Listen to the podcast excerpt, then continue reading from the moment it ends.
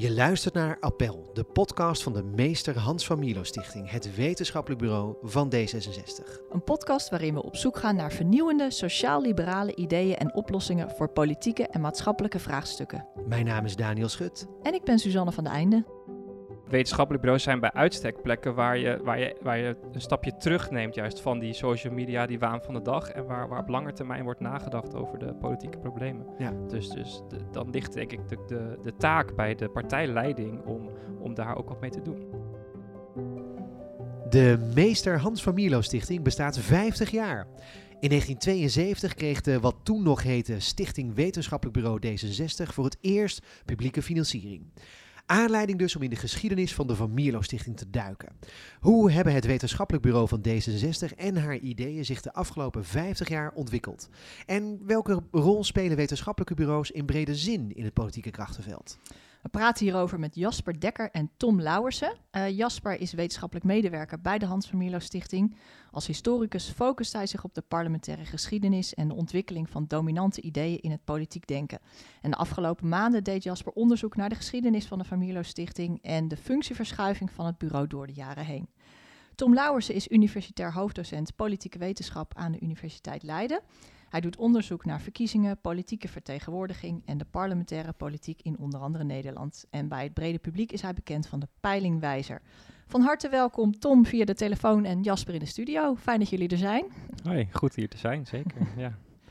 Eh, ja, Tom, ehm, we noemden net al even de peilingwijzer, waar, waar luisteraars jou wellicht van kennen. Ehm, kan je uitleggen, wat, wat is dat precies en waarin verschilt die peilingwijzer ook van de reguliere peilingen zoals Ipsos en Maurice de Hond? Met het oog op de komende verkiezingen is dat alweer eh, goed om dat even scherp te hebben.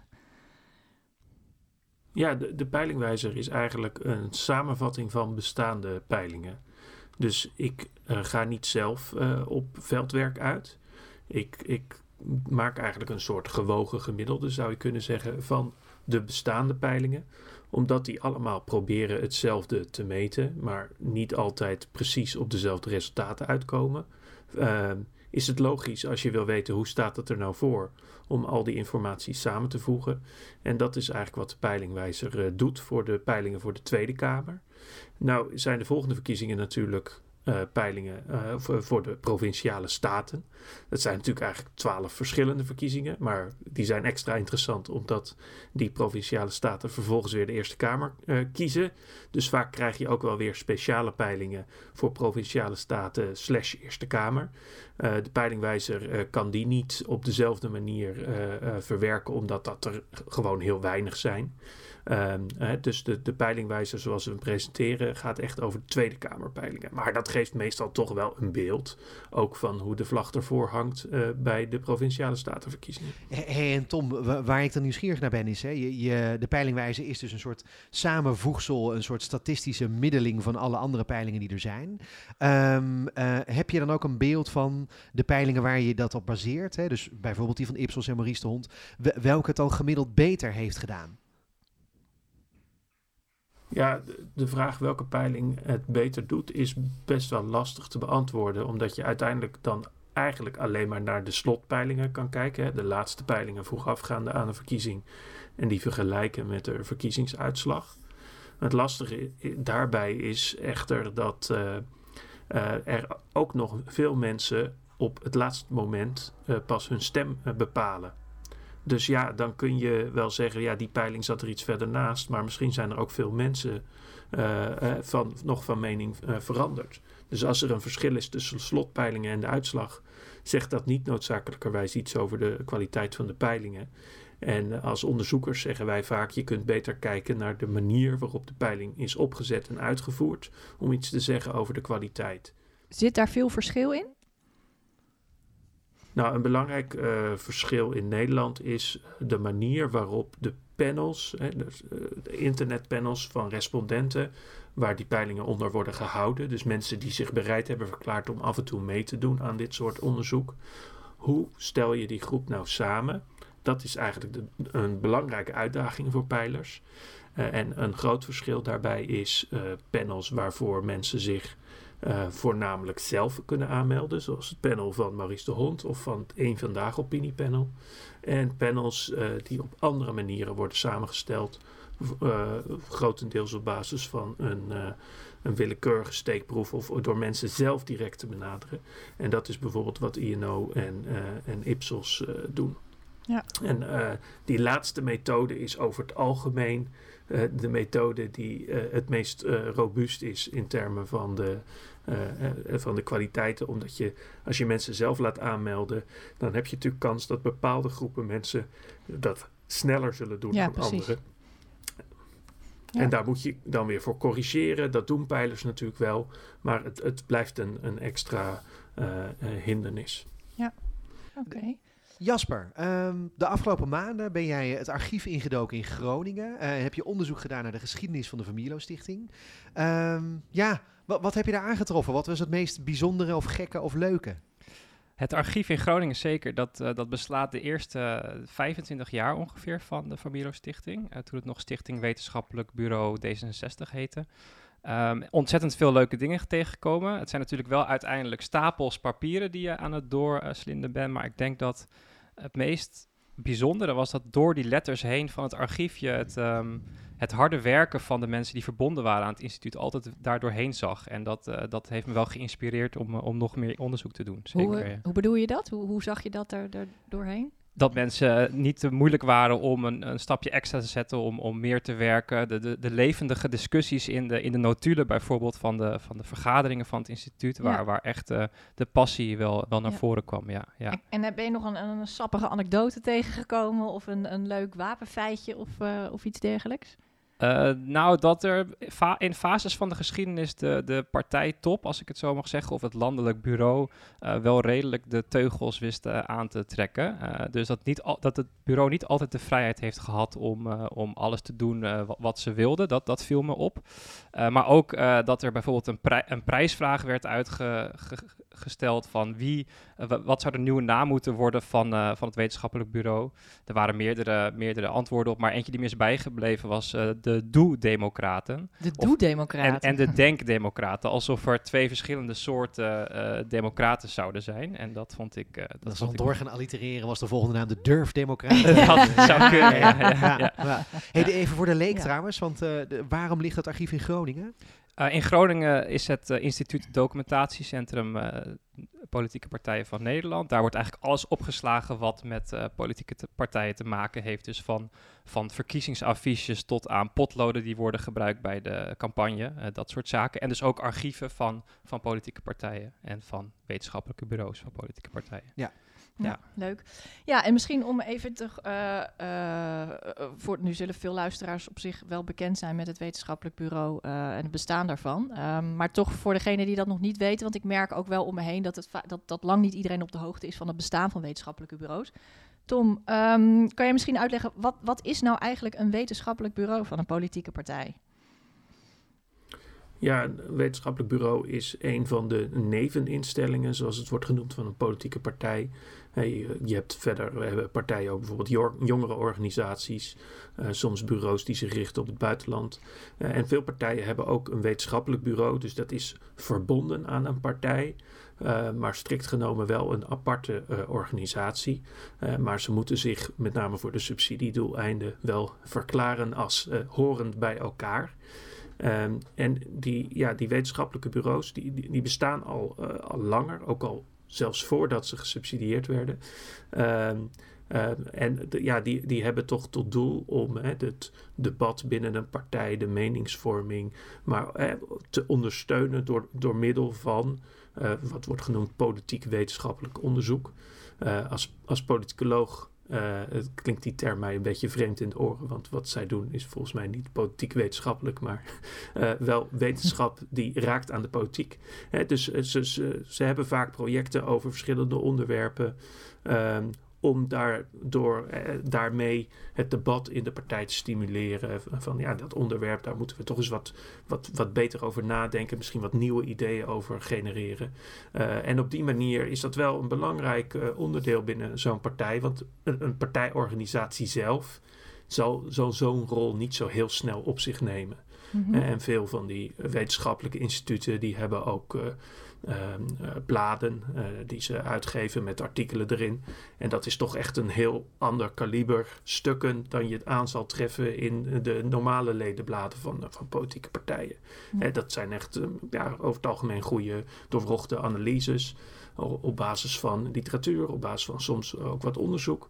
Uh, uh, terwijl ja, die, die, die ledenbladen, dat is, ja, dat is leuk voor de, de club bij elkaar houden en, en misschien leuke inspirerende interviews, maar dat is toch, hè, toch veel meer gericht op het ja, op PR van de, van de partij.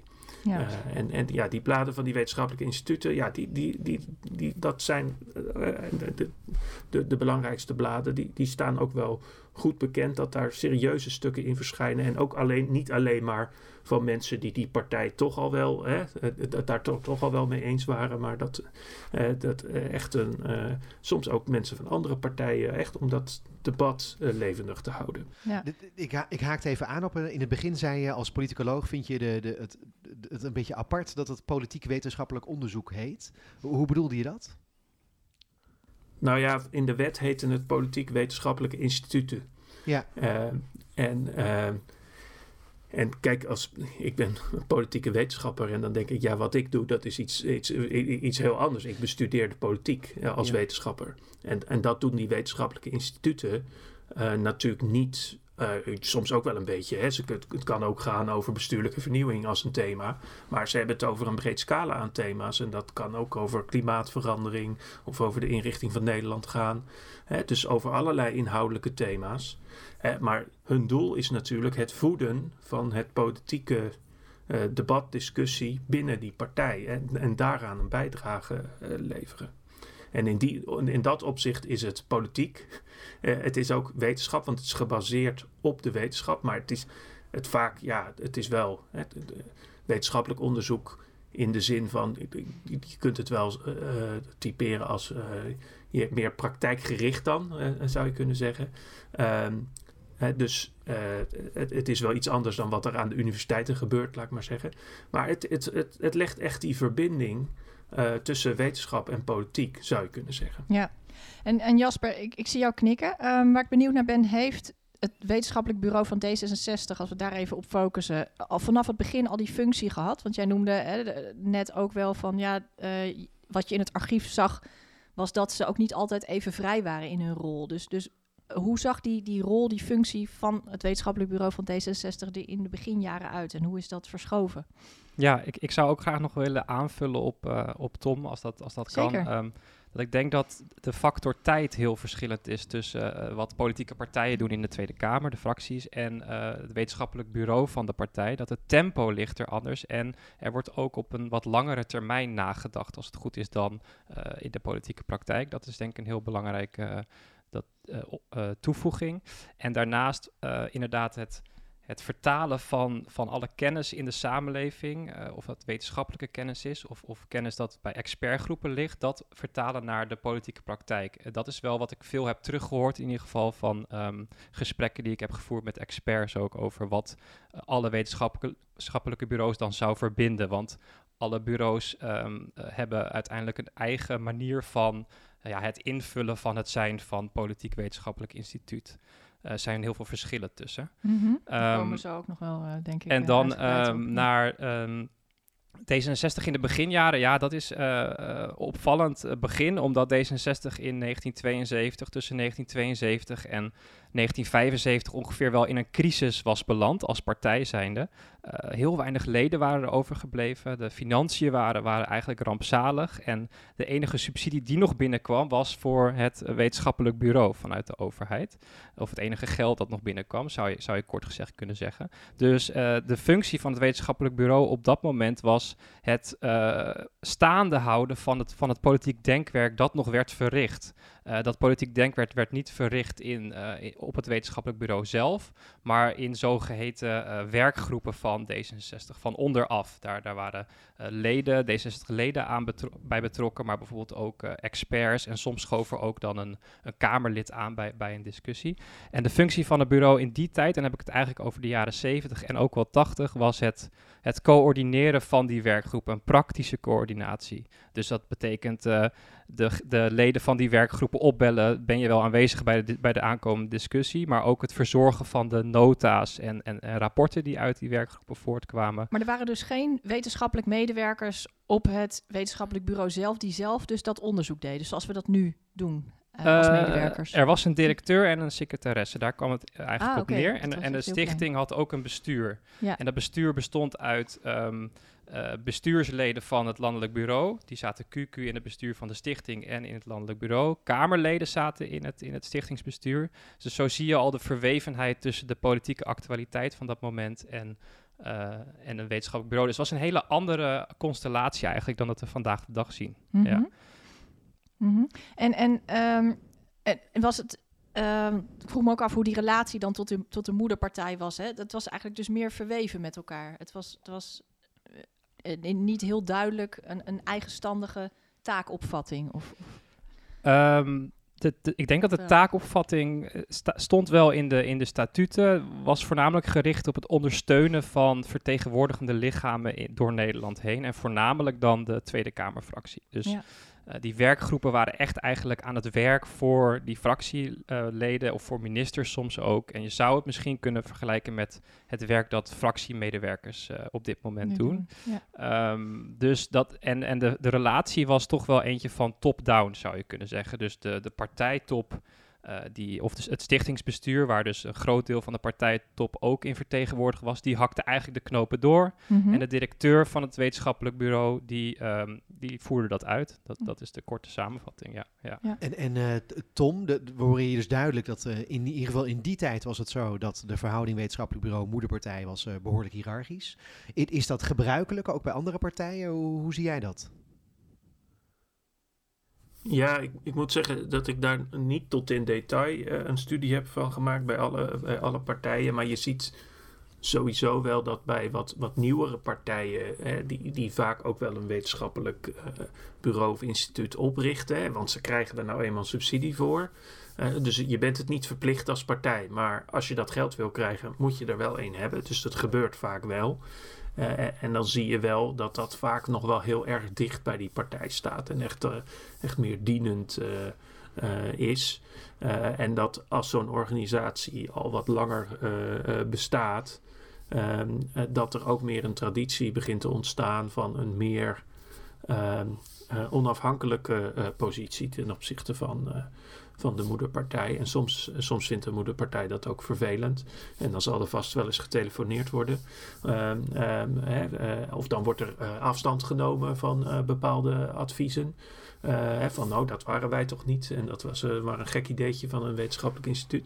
Ehm, Hè, maar dat, ja, dus, dus dat, dat, dat zal ook variëren. Maar ik denk dat wel een belangrijk verschil is tussen instituten die al wat langer bestaan en instituten en ook wat groter zijn, wat, wat, wat, grotere partijen horen. Dan heb je toch ook meer financiële middelen. Dan kan je ook wat meer dan alleen maar een directeur en een secretaresse.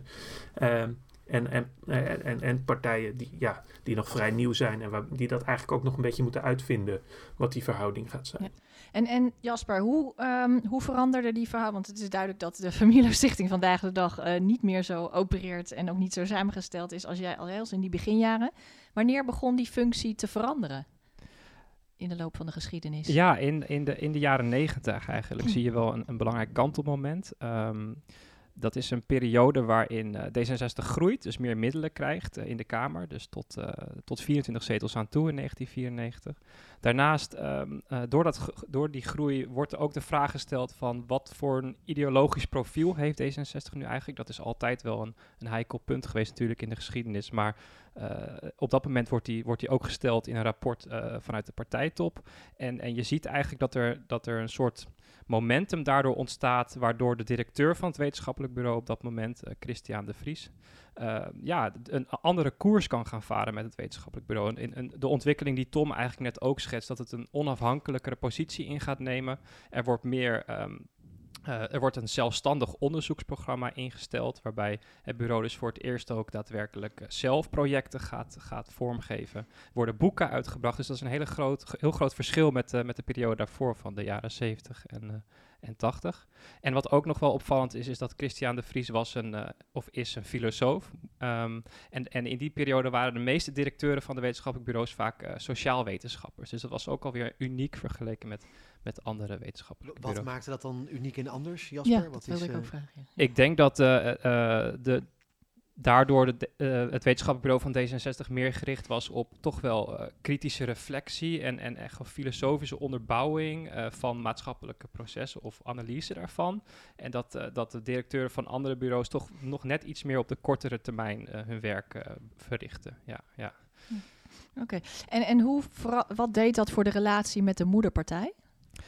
Dat, was, dat is inderdaad een, goede vraag. Ehm, eh, wat er gebeurde was dat eh, eh, het, het instituut eigenlijk een bepaalde vorm van wetenschappelijkheid probeerde na te streven. Dus echt objectief probeerde tot bepaalde publicaties te komen. En ze hadden zelfs een wetenschappelijke raad ingesteld die als een klankbord diende. En er was een, de voorzitter van de stichting in die periode was, was ook een hoogleraar.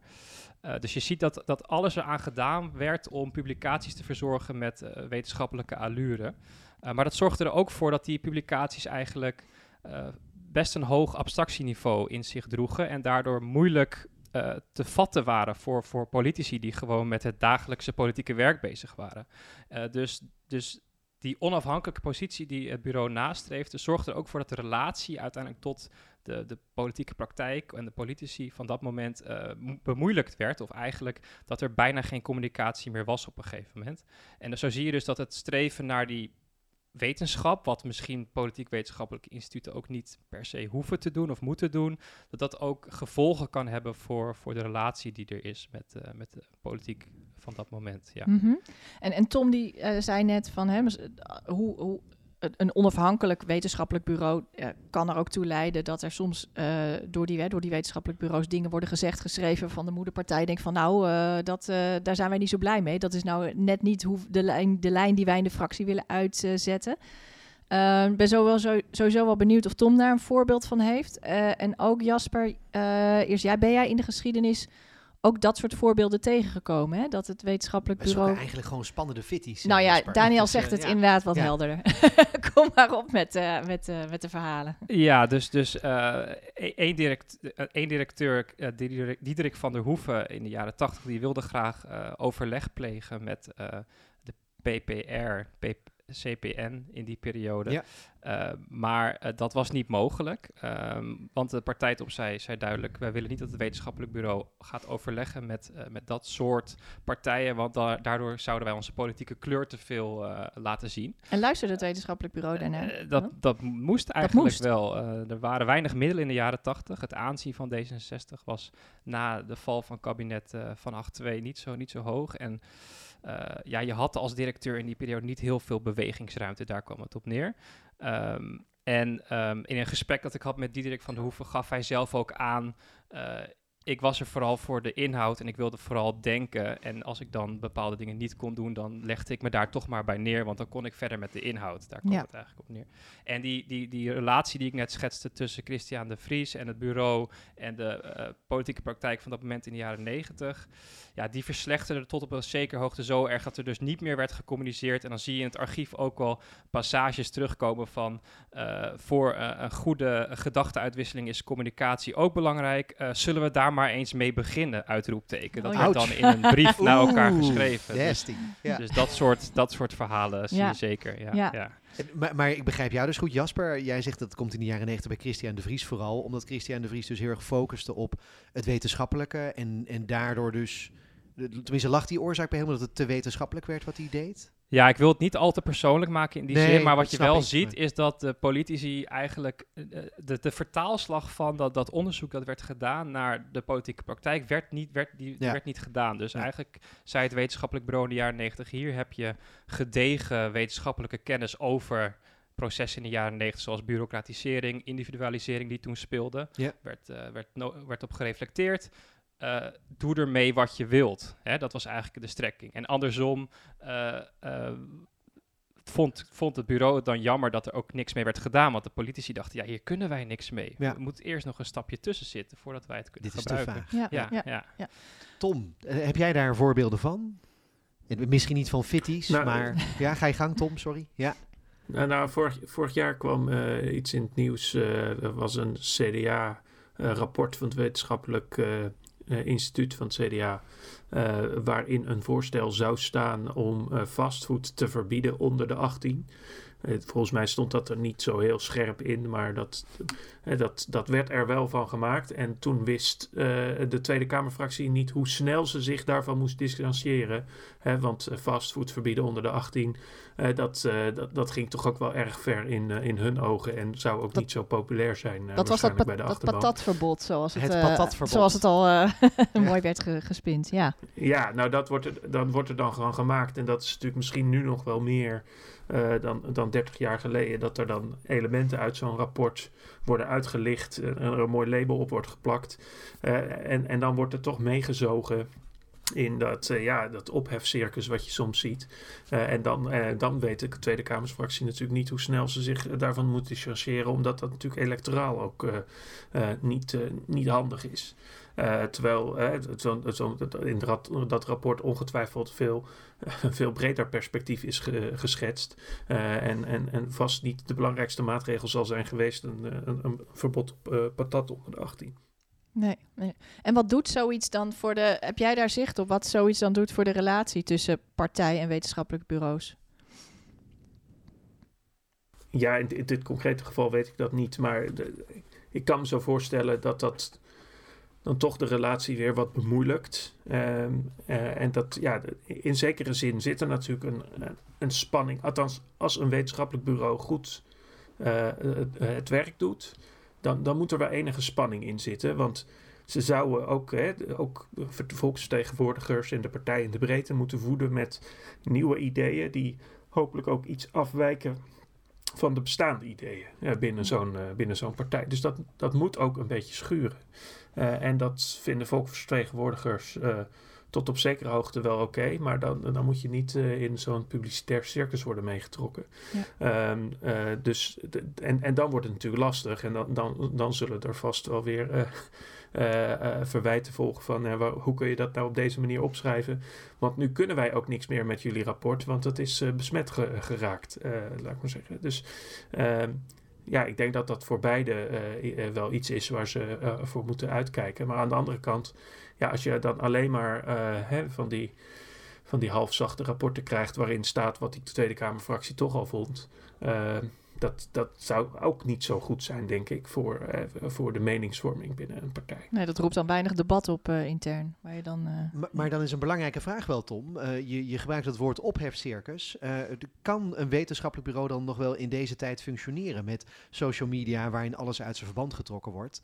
Ehm, als je als wetenschappelijk bureau juist inderdaad A, nieuwe ideeën wil lanceren, maar B, die ook goed wetenschappelijk wil onderbouwen. De- past dat wel, dat wetenschappelijke denken van, over politieke problemen, in, in tijden van social media? Nou, ik bedoel, ik denk dat daar meer risico ligt dan misschien eh 30 jaar geleden. Aan de andere kant hoef je, moet je misschien ook niet voor alles bang zijn.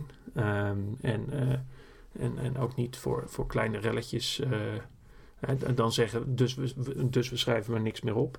Eh, maar ik, ik denk dat dat ook. eh, maar ik weet dat niet zeker, maar dat, dat zou je echt aan die bureaus zelf moeten vragen. Is van eh, op welke manier ze dan rekening houden met de ontvangst van die rapporten, zowel in de publiciteit als, als bij de moederpartij. En ik, ik, neem aan dat, dat ze daar toch over, over nadenken. En, en soms zullen ze wel bewust ook wel dingen scherp eh, eh, opschrijven. Om, eh, en dat, dat is soms misschien ook wel prettig als het een beetje past in het gedachtegoed van zo'n partij. Dan kan het juist ook een eh, soort steun in de rug eh, zijn. Hebben bij het CDA heeft geloof ik het wetenschappelijk instituut jarenlang die ideeën over een vlaktax aangedragen en zo. En dat vond de partijtop, ja, na- naar mijn indruk, toch ook wel prettig. Er is ook een soort variant, nou goed, dan een twee eh, schijvenstelsel. Wat je daar inhoudelijk ook van vindt. wat was Nou dat ook dat was alweer, toch, Tom? Die, eh, eh, die vlaktax, sorry dat ik je onderbreek. Wat was dat ook alweer? Ja, het idee dat je maar één ko- inkom, eh, het tarief voor inkomstenbelasting zou, zou hebben. Ehm, en dat, uiteindelijk zijn het er nu twee, maar dat, dat waren er ooit vier, geloof ik. Uh, dus dat maakt het belastingstelsel wat eenvoudiger. En uh, volgens de voorstanders is dan de kans op een armoedeval ook minder groot. Hè? Dan, armoedeval is dan als je dan in iets meer gaat verdienen en dan kom je in een hoger uh, belastingtarief uh, terecht en je verliest ook allerlei subsidies uh, en dan ga je uiteindelijk netto erop op achteruit.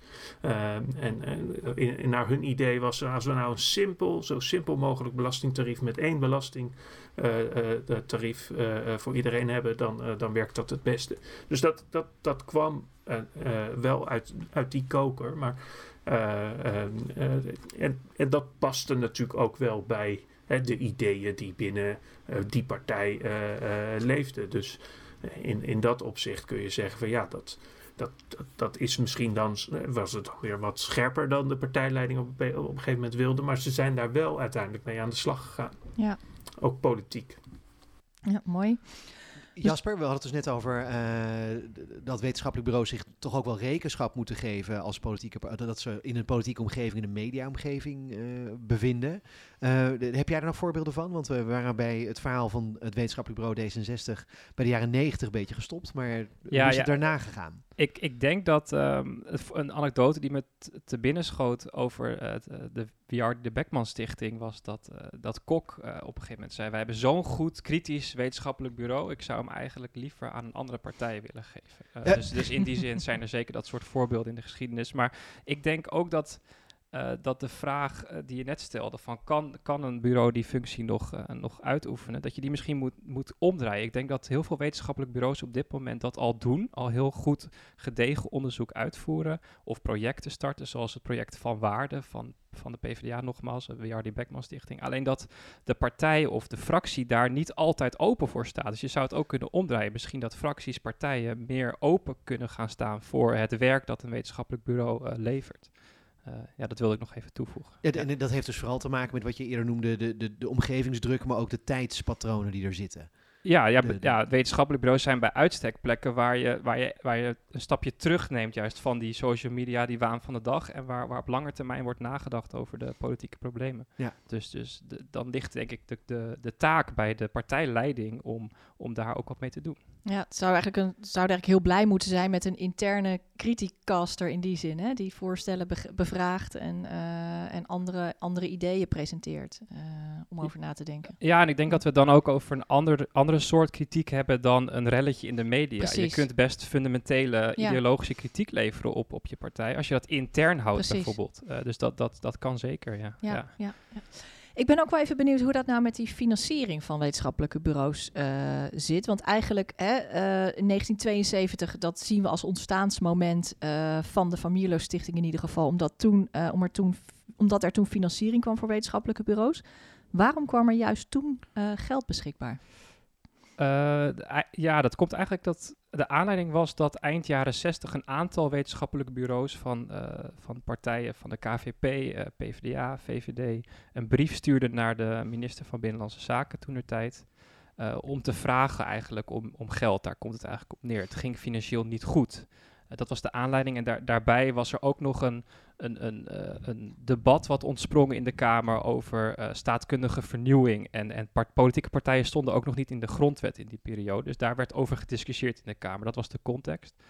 En het grappig feit is dat D66 ook principieel tegen was in die periode op subsidie voor wetenschappelijke bureaus. Uh, ze vonden dat je, dat je uh, bureaus, noodlijdende partijen niet kunstmatig in leven moest houden. Uh, toen de subsidie er nu eenmaal was, toen werd het natuurlijk wel gebruikt. Dat, ja. dat, dat, dat wel, klinkt ja. wel een beetje hypocriet Nou, inderdaad, ja. ja. Wat vind je daarvan achteraf? Ja? Uh, blij, ik ben uh, blij, dat er blij het, mee, ja. ja. Anders had je hier nu niet gezeten. Anders had je nu niet gezeten, ja. Daar moeten we ook eerlijk over zijn. Ja, ja, um. ja, ja. Hey, en Tom, um, hoe ziet die, die financiering van wetenschappelijke bureaus, die zit uh, een beetje enigszins complex in elkaar. Kun jij schetsen hoe dat, hoe dat, precies, hoe dat precies zit? Welke geldstromen daar naartoe ja, gaan? Nou ja, ja. In de, in de wet uh, financiering politieke partijen en ook in de nieuwe wet op de politieke partij, ja, die nu uh, in ontwerp is, um, is er een aparte grondslag voor financiering voor, voor wetenschappelijke instituten. Um, hè, dus als een partij een politiek wetenschappelijk instituut heeft, het moet een aparte organisatie zijn en de partij moet die, dat instituut erkennen. En dat instituut moet zeggen, wij horen die bij, bij die partij, zodat er een één-op-één relatie is. Je kan niet een wetenschappelijk instituut namens meerdere partijen zijn of iets dergelijks. Dus elke partij mag één instituut hebben en dan krijg je een basisbedrag uh, wat in die nieuwe wet, uh, geloof ik, iets minder dan 200.000 euro uh, staat. en een bedrag van 20.000 euro per kamerzetel. Ehm, voor, speciaal voor het wetenschappelijk instituut.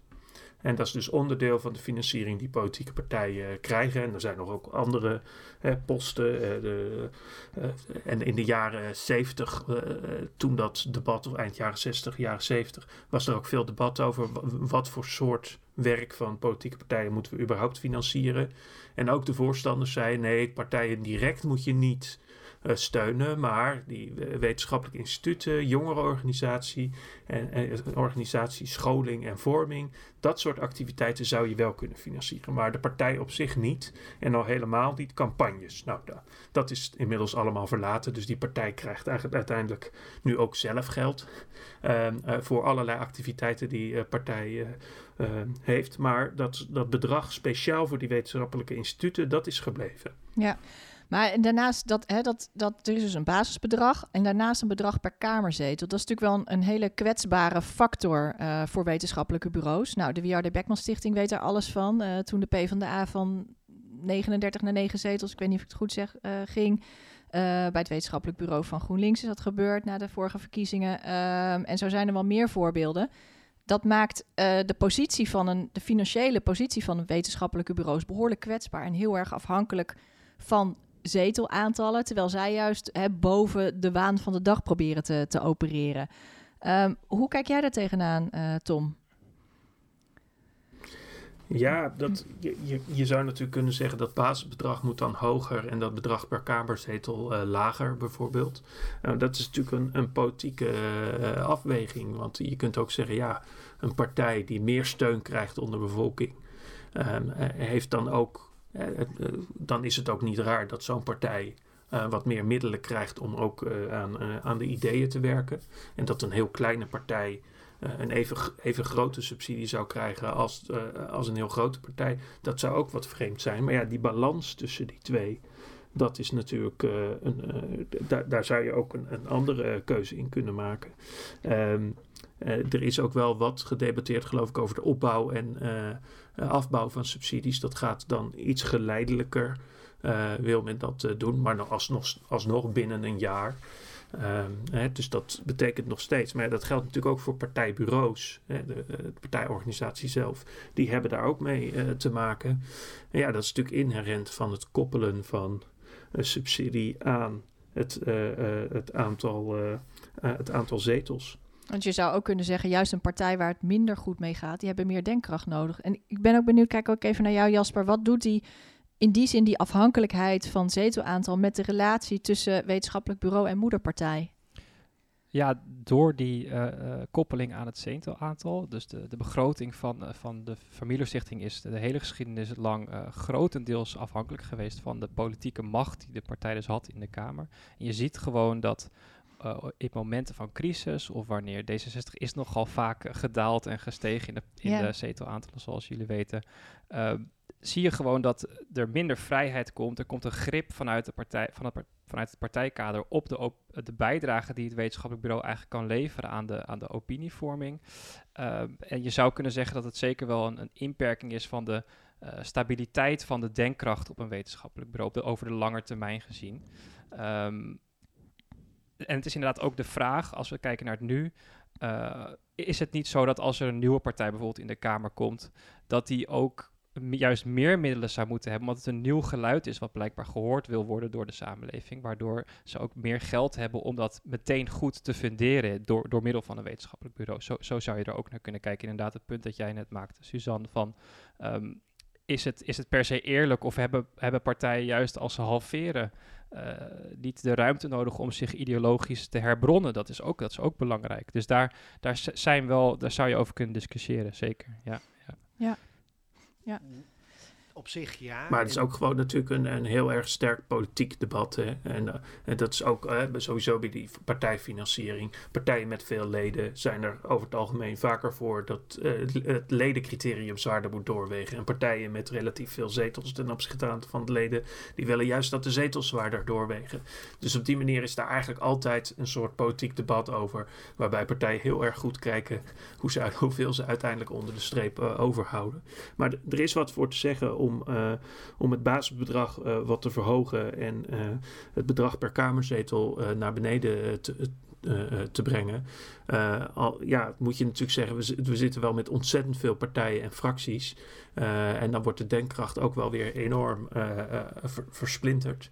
Ehm, dus ja, dat men ook, de, ook die kamerzetel nog wel als een grondslag neemt, vind ik ook wel weer begrijpelijk. En, en Jasper, jij gebruikt dat woord dat, je, dat er een nieuw geluid is wat blijkbaar gehoord wil worden. Want dat wordt dan de hoofdvraag eigenlijk. Als je zetelaantal niet als leidend neemt of niet als een belangrijke indicator meeweegt überhaupt. Hoe bepaal je dan dat het een nieuw geluid is wat gehoord wil worden? Want ledenaantal, ja, politieke partijen en leden, dat is ook altijd een fundamenteel probleem. Dus dat, dat is het dan, wat geeft dan de grondslag voor, eh, voor, voor dat het een nieuw geluid is dat gehoord wil worden? Ik denk nog steeds wel de aanwezigheid in de Kamer. Ja. Dus dat dat punt 1 moet zijn. En ik denk wat Tom net noemde ook het ophogen van dat basisbedrag. Dat zou fl- flink omhoog kunnen. Al- Als je met twee zetels nu in de Kamer komt, dan heb je dus eh snelle rekensom 240.000 euro tot je beschikking. Eh, dat staat wel eh, schril, in schril contrast met een wetenschappelijk bureau van D66 bijvoorbeeld, waar veel meer gedaan kan worden. En, en ja, de vraag is, omdat, juist omdat wetenschappelijke bureaus over de lange termijn onderzoek willen doen en, en zich daar ook over willen uitlaten, eh, eh, visievorming, dat ze daarvoor, dat dat zou hun functie moeten zijn, of die electorale schommelingen dan daar zo'n grote invloed op, op moeten hebben. Ehm, in, de de, in de geschiedenis zie je in ieder geval wel dat, dat, dat daardoor eh, ja, de langetermijnprojecten niet altijd tot, tot uiting zijn gekomen. En dat is, dat is soms wel jammer. Ja, ja. Ja, ja. En, en wetenschappelijke bureaus, die, eh, dat noemen jullie allebei, die kunnen natuurlijk bij uitstek een rol spelen in, die, in, in, in het voeden van de politiek, in die ideeënstrijd eigenlijk in de politiek. Hebben jullie ehm, nou ook een voorbeeld van waar dit heel goed gelukt is? Eh, het zij bij D66, het zij bij andere partijen. Jasper, ben jij iets... eh, Het blijft angstvallig Ja. stil, maar Jasper, laten wij eerst aan jou vragen. ja. Ja, het, v- het voeden, voeden van de ideeënstrijd is natuurlijk wel... De vraag is in hoeverre is er ideeënstrijd ge- in de afgelopen 30 jaar in, in, in, de, in de Kamer. Eh, het is wel, wel het politiek debat voor een groot deel eh, gereduceerd tot het oplossen van, van beleidsproblemen. En, en, en de grote ideologische verhalen zijn wat mij betreft wel een beetje op de achtergrond eh, geraakt. Ehm, Is dat eh, zo? De- de- waarom zie je dat zo? Eh, nou ja, juist ook van eh, het punt dat jij net maakte van die, die waan van de dag en de social media en, en de, de, de keuzes van partijen die vooral gericht zijn op het eh, verdienen van zoveel mogelijk zetels en, en ook een zo groot mogelijk electoraat dat, dat, wordt, dat wordt nagestreefd. Ehm, eh, dat maakt, denk ik, dat er een bepaalde ideologische vervlakking plaatsvindt, omdat je dus een zo groot mogelijk publiek aan wil spreken. Hoe merk Ehm, je dat in de praktijk, die ideologische vervlakking? Hoe merk je dat in de, in de Kamer? Ja, de debatten, de debatten die ik volg, die gaan voornamelijk over eh, uitspraken die worden gedaan in de media. En eh, de inhoud is, is, is wat mij betreft wel wat weg. Ik, een concreet voorbeeld nu zou ik niet zo kunnen noemen, maar dat, eh, ja, dat, kan, eh, dat kan beter, denk ik. Ja. Mhm. Ik weet niet hoe Tom daarnaar kijkt, of hij daar ook... eh, Tom, ja, vertel. Ja, ik, ik zat te denken, maar er, er komen geen eh, grote eh, voorbeelden naar boven. Maar dat, dat komt misschien ook omdat heel veel van die activiteiten toch wel primair gericht zijn op wat er gebeurt in zo'n partij zelf. Eh, en nou denken mensen soms dat politicologen alles volgen wat er in alle partijen op elk moment gebeurt. Mhm. Maar dat is gewoon onmenselijk niet mogelijk. Nee. Of menselijk gezien niet mogelijk. Dus, eh, eh, dus dat blijft soms ook nog wel een beetje op de achtergrond. Dat, dat, is, misschien ook niet erg, hè? want dat, ja, het, het moet ook het debat voeden binnen zo'n eh, partij. Uh, maar dat wil ook niet zeggen, het wil wel zeggen dat het niet altijd heel prominent uh, ook naar buiten wordt uh, gebracht. Of dat zijn wel rapporten, het is niet verborgen, maar je moet er wel erg naar gaan zoeken. En, en gewone kiezers, burgers, zullen vaak niet echt meekrijgen wat er gebeurt op die wetenschappelijke instituten. Ja, Jasper, jij wilde daarop reageren. Ja, ja dus, dus intern, precies wat Tom zegt, is er natuurlijk heel veel gedaan door de Familio Stichting en zijn voorgangers. En je ziet ook dat bijvoorbeeld het, uh, het etiket sociaal liberalisme, dat in de jaren negentig door de partij werd aangenomen, dat dat ondertussen wel echt uh, die politieke filosofie van het sociaal liberalisme onderzoeksobject is geworden van het wetenschappelijk bureau. En daarmee ook uh, een andere um, uh, ander soort onderzoek wordt gedaan en ook op een andere manier, denk ik, wordt bijgedragen aan die opinievorming dan uh, 30 jaar terug, 40 jaar terug. Uh, dus de, de, bepaalde waarden van het sociaal liberalisme als democratie, gelijkheid, vrijheid, die centraal staan, die worden uitgediept, uitgedacht en daarmee is zeker wel een mooie voedingsbodem gegeven voor de partij de laatste, laten we zeggen, 15 jaar. Mm -hmm. Zeker, ja, ja. ja. En Tom, um, de, de, de politieke ideeënstrijd in het algemeen, hè? Jasper, die, is daar toch wat, uh, uh, die ziet dat toch wat minder terug. Herken jij dat? Ja, ik denk dat dat wel een ontwikkeling is. Dat er voor die, voor die hele de, de grote ideeën minder ruimte lijkt te zijn. Hè? Daar wordt nog steeds gepraat over allerlei onderwerpen. En daar verschillen partijen ook echt nog wel van mening op, op belangrijke manieren. Maar dat dat past binnen een, een breder ideologisch uh, kader. Nou ja, dat, dat, dat soort taalgebruik, dat zie je eigenlijk weinig, weinig meer terug. veel minder althans, heb ik het idee in de politiek.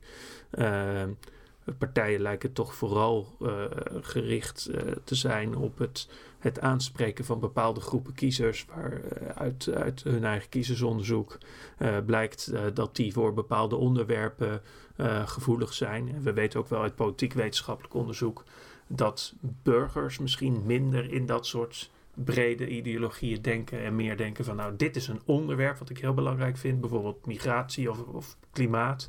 En dan ga ik kijken welke partij daar het, het, het, het, meest competent op is. Of de, die, dat, dat soort ideeën het beste naar voren kan brengen. en, en op die manier zie je wel dat ja, die, die ideologieën een, een, minder grote rol spelen.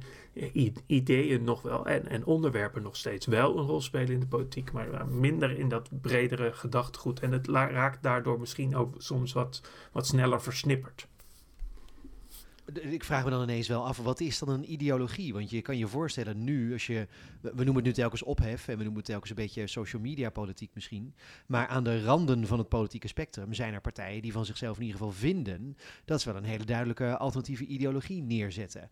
Als ik bijvoorbeeld even kijk naar Caroline van der Plas van BBB, die zou misschien haar verhaal over stad versus platteland wel graag willen vertellen. Alsof dat uh, een fundamenteel ander ideologisch kader is dan dat, uh, dat er tot nu toe was. Tom, is dat geen ideologie of zie ik dat gewoon verkeerd? Hoe, hoe moet ik dat lezen? Nou zo, je ziet dat die, dat soort nieuwe partijen vaak veel meer insteken op een onderwerp of een bepaalde uh, groep mensen waarvoor ze de belangen vertegenwoordigen. Hè, dus denk aan, aan 50 plus of, of ook BBB. Uh, al zeggen ze zelf natuurlijk, we zijn ook voor de burgers en voor de boeren. Maar ja, ze worden toch meer gezien als uh, voor het platteland. Uh, en ideologieën, dat zijn natuurlijk niet zomaar losse opinies over wat bij, bij, elkaar geveegde onderwerpen. Maar dat zijn consistente stelsels van ideeën, overkoepelende, brede visies op hoe de maatschappij uh, in elkaar zou, zou moeten zitten. dus dat, dat, dat, dat, bredere perspectief, en dat is, dat is nou juist hetgene waarvan Jasper ook zegt, denk ik, van dat, dat, dat lijkt meer te missen. En dat is meer gericht op het korte termijn, kleine onderwerp. Soms ook wel grote onderwerpen, hè, zoals klimaatverandering is geen klein onderwerp. maar klimaatverandering op zich is, hè, en als je daar iets tegen wilt doen, dat is op zich nog geen ideologie. Hè, dat, dat, dat zou kunnen passen binnen een bredere ecologische ideologie, laat ik maar zeggen. Uh, dus dat, dat, bredere kader, ja, dat, dat is toch wel, um, wel minder prominent. Wat zou er nou voor nodig zijn om dat weer terug te brengen, vraag ik me af als ik jullie zo beluister. Dat is natuurlijk, hè, er zijn er zijn zoveel oorzaken, dingen die daar nu aan bijdragen aan dat gebrek aan ideologisch debat, die je niet zomaar weg kan uh, halen. Uh, media, sociale media voornamelijk, hashtag ophef. wat, wat kunnen, hoe kunnen we dat ideologische debat nou weer wat verrijken? En wat kunnen wetenschappelijke bureaus daaraan bijdragen? Ja, nou, ja, ik, Oh. ik denk dat ehm, het is wel belangrijk om te, te beseffen inderdaad dat wat verwachten we eigenlijk van politieke partijen in de samenleving is dat, is dat een discussie die gaat over het oplossen van crisissen, uh, hoeveel, of een discussie over hoeveel geld gaat waar naartoe op, op welk moment. Of verwachten we van politieke partijen ook inderdaad dat ze groter verhalen uitdragen en een visie hebben over waar de samenleving over twintig jaar uh, moet staan. Um, en ik denk dat, uh, dat dat 40 jaar geleden meer was dan nu. En dat wetenschappelijke bureaus juist de plek zijn om, om daar zeker een bijdrage aan te leveren. Uh, hoe is een moeilijke vraag. Ik zou, ik zou beginnen bij um, meer Kamerleden in totaal. Dus, dus uh, gaan naar 250 Kamerleden wat mij betreft. En de ondersteuning zou ook rianter kunnen. Waardoor er gewoon meer ruimte is voor voor uh, nadenken. En, en de wetenschappelijke bureaus zouden, zouden ook, mm, ja, hoe zou je dat kunnen zeggen, knooppunten kunnen hebben rondom het parlement, waarbij ze structureel uh, hun inbreng hebben, los van uh, de relatie die ze hebben met de moederpartij, maar ook kunnen laten zien van, hé, hey, de afgelopen twee jaar zijn we hiermee bezig geweest, zouden jullie hier wat meer mee kunnen doen? Ja. Naast dat je het alleen maar de verantwoordelijkheid legt bij de politieke partij zelf, zou je daar misschien als overheid ook instituties voor kunnen op optuigen, ja. Tom, wat denk jij?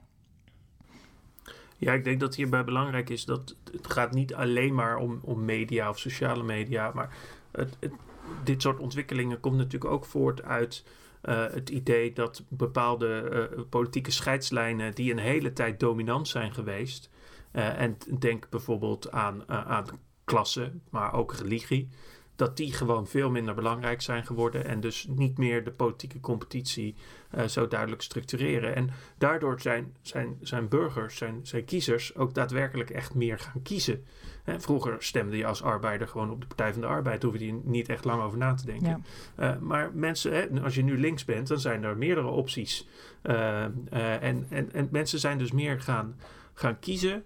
en, en misschien deels als een reactie daarop uh, zijn ook dat soort aparte onderwerpen belangrijker geworden dan alleen maar een soort overkoepelende links-rechts of uh, uh, religie versus niet-religieuze tegenstelling. Um, dus dat, ja, dat is vrij fundamenteel. En ik denk niet dat je kunt zeggen van op deze of deze manier komt ideologie als zodanig weer terug. Ik denk wel dat je zou kunnen kijken hoe kunnen we nou meer uh, die, die termijnen wat verlengen, hè, wat, wat langere termijnvisies. Al, zelfs al zou je het niet meer een ideologie noemen, hoe kunnen we nou politiek, die, ja, die eigenlijk bij uitstek natuurlijk gericht is op de komende vier jaar, want daarna zijn er weer verkiezingen. Hoe kun je nou politici zoveel mogelijk stimuleren om, om over die grenzen van de verkiezingen heen te denken? En uh, wetenschappelijke bureaus uh, kunnen daar een, een, een, rol in spelen. Dan zou je inderdaad misschien naar die financiering moeten kijken.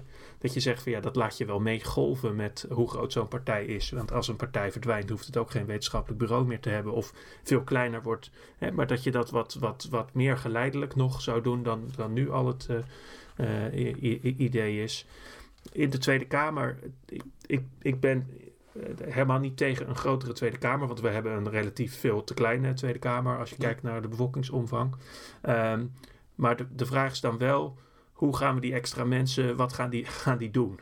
Want als die alleen maar meer moties gaan schrijven over kleine ophef-issues, dan schieten we er natuurlijk helemaal niks mee op. Nee. Uh, dus ik denk dat dat ook wel gepaard moet gaan met nadenken over uh, wat doen we in de Kamer en op welke manier kunnen we Kamerleden stimuleren om vooral die dingen te doen hè, waarvan we nu zeggen misschien gebeurt dat te weinig zoals goed uh, door wetgeving heen akkeren om alle problemen er hopelijk vooraf uit te halen in plaats van uh, vijf jaar later en, en twee affaires verder. Ehm, hè, dus dat, maar dat, dat is natuurlijk wel iets lastigs omdat ja, politieke partijen ook zien dat het succesvol is om wel mee te gaan in die ophefcyclus. Uh, en daar, in ieder geval voor bepaalde politieke partijen. Um, en uh, ja, daar tegenin gaan, dat is, dat is wel, denk ik, makkelijker gezegd dan gedaan. Ja, ja. Het, het brengt ons eigenlijk bij, eh, en we hebben er al een beetje een antwoord op, maar het brengt ons eh, toch wel bij de laatste, bij de slotvraag, onze vaste slotvraag. Ehm, ik begin bij Jasper. Stel je was nu minister, en dat zou dan minister Binnenlandse Zaken moeten zijn, denk ik of zo. Jasper kijkt daar kritisch bij. De gedachte minister worden, dat, eh, daar heb je überhaupt al eh, moeite mee. Nou ja, dat kan natuurlijk. Hè. Zeg nooit nooit. Erasmus heeft dat ooit een keer gezegd, hè? politiek en bestuur, nee, liever niet. Ik ben liever arm. Dat, is, dat zei Erasmus al. Maar, maar goed, Jasper, ik begin bij jou. Stel je voor, je was minister. Hè? We, we hebben een aantal ideeën gehoord. Maar wa- wat is nou concreet iets wat je nog verder zou kunnen doen om de taak van wetenschappelijke bureaus als, als voedingsbodem voor die ideeënstrijd in het politieke debat, om die te versterken? Jasper, ga je gang. Ja, dat is een goede vraag. Moeilijke vraag ook. Ehm, en ik, ik zit meteen te denken dat ik in herhaling ga vallen. Maar ik denk dat dat basisbedrag eh, omhoog eh, gooien voor wetenschapsbureaus belangrijk is. Maar dan zou ik daarbij ook eh, een voorwaarde stellen dat wetenschappelijke bureaus ook altijd een, een tijdschrift uitbrengen. Bijvoorbeeld wel ook bepaalde vormen van politiek-wetenschappelijk onderzoek eh, eh, uitvoeren. Ehm, dat, dat zou denk ik een belangrijk onderdeel zijn. En, en wat ik net probeerde te schetsen, een soort concreet kan ik het moeilijk maken nog, maar een institutionele vormgeving in de samenleving waarbij uh, bureaus structureel aanwezig zijn in de knooppunten van kennis eigenlijk uh, Ja. en, en hun bijdrage daar kunnen leveren, daar, daar geld voor uittrekken. Ja. Dus vanuit hun eigen rol toch nauw samenwerken met de andere politiek, met de andere geledingen in de partij. Ja, ja ik Ja. denk dat het ook goed is als ook op dat niveau eh, juist die ideologieën gaan botsen en het wetenschap, Ja. de wetenschappelijke voeding daarvan ook gebotst met andere wetenschappelijke bureaus. Zeker, ja. Ja. Tom, Tom. van jou dezelfde vraag. Stel je was minister, wat zou je doen? Opstappen. Dat mag niet. ik vind het eigenlijk een Je heel moet goed eerst antwoord. hond- ik vind hem je heel moet- leuk. Met honderd, honderd dagen moet je blijven zitten en moet je een paar eh, goede acties Oh, ik op moet, je naam ik moet hebben ook nog wat gaan doen. Eh, Ja. Nee, sorry. Eh, eh, ik, ik, ik, vind dat, ik vind dat goede suggesties. Ik denk dat je ook zou moeten nadenken... die functie hè, van, van vertaling van wetenschappelijke inzichten... moet die alleen in wetenschappelijke bureaus eh, plaatsvinden? Hè? Dus aan partijen direct gelieerde organisaties? Of zou je dat daarnaast ook op andere manieren kunnen vormgeven? Hè, dus, en dat is al, ook wel vaak een debat in eh, financiering rondom politieke partijen... en fractieondersteuning. Moet je nou maar zoveel mogelijk in de fracties en de, de partijen pompen.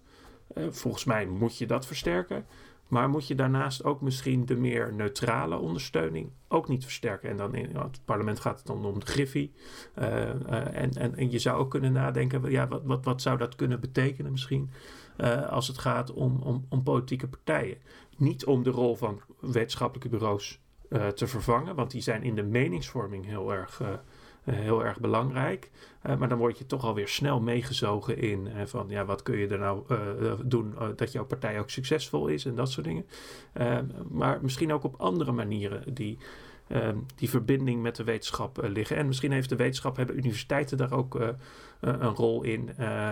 Ik, ik, er zijn wel een aantal initiatieven ook rondom de Tweede Kamer om dat versterking van een koppeling tussen wetenschap en beleid te versterken. Maar ik denk dat je daar ook eens naar zou kunnen kijken. Ook als, om een manier om, om die functie te versterken. Mooi, hele goede ideeën. Dus nou ja, ik hoop niet dat je dan gelijk opstapt, mocht het ooit zover komen. Uh, heel hartelijk dank, Tom Lauwers en Jasper Dekker, voor dit, uh, voor dit gesprek. En jij, luisteraar, bedankt dat je luisterde. Als je nou meer wil weten over de geschiedenis van de Van Mierlo Stichting, ga dan naar vanmierlostichting.nl. Daar lees je een mooi uitgebreid artikel van Jasper uh, over alles wat hij is tegengekomen over de geschiedenis van dit instituut. Vergeet ook niet je te abonneren op deze podcast als je dat nog niet hebt gedaan. En over twee weken zijn wij er weer. Tot dan!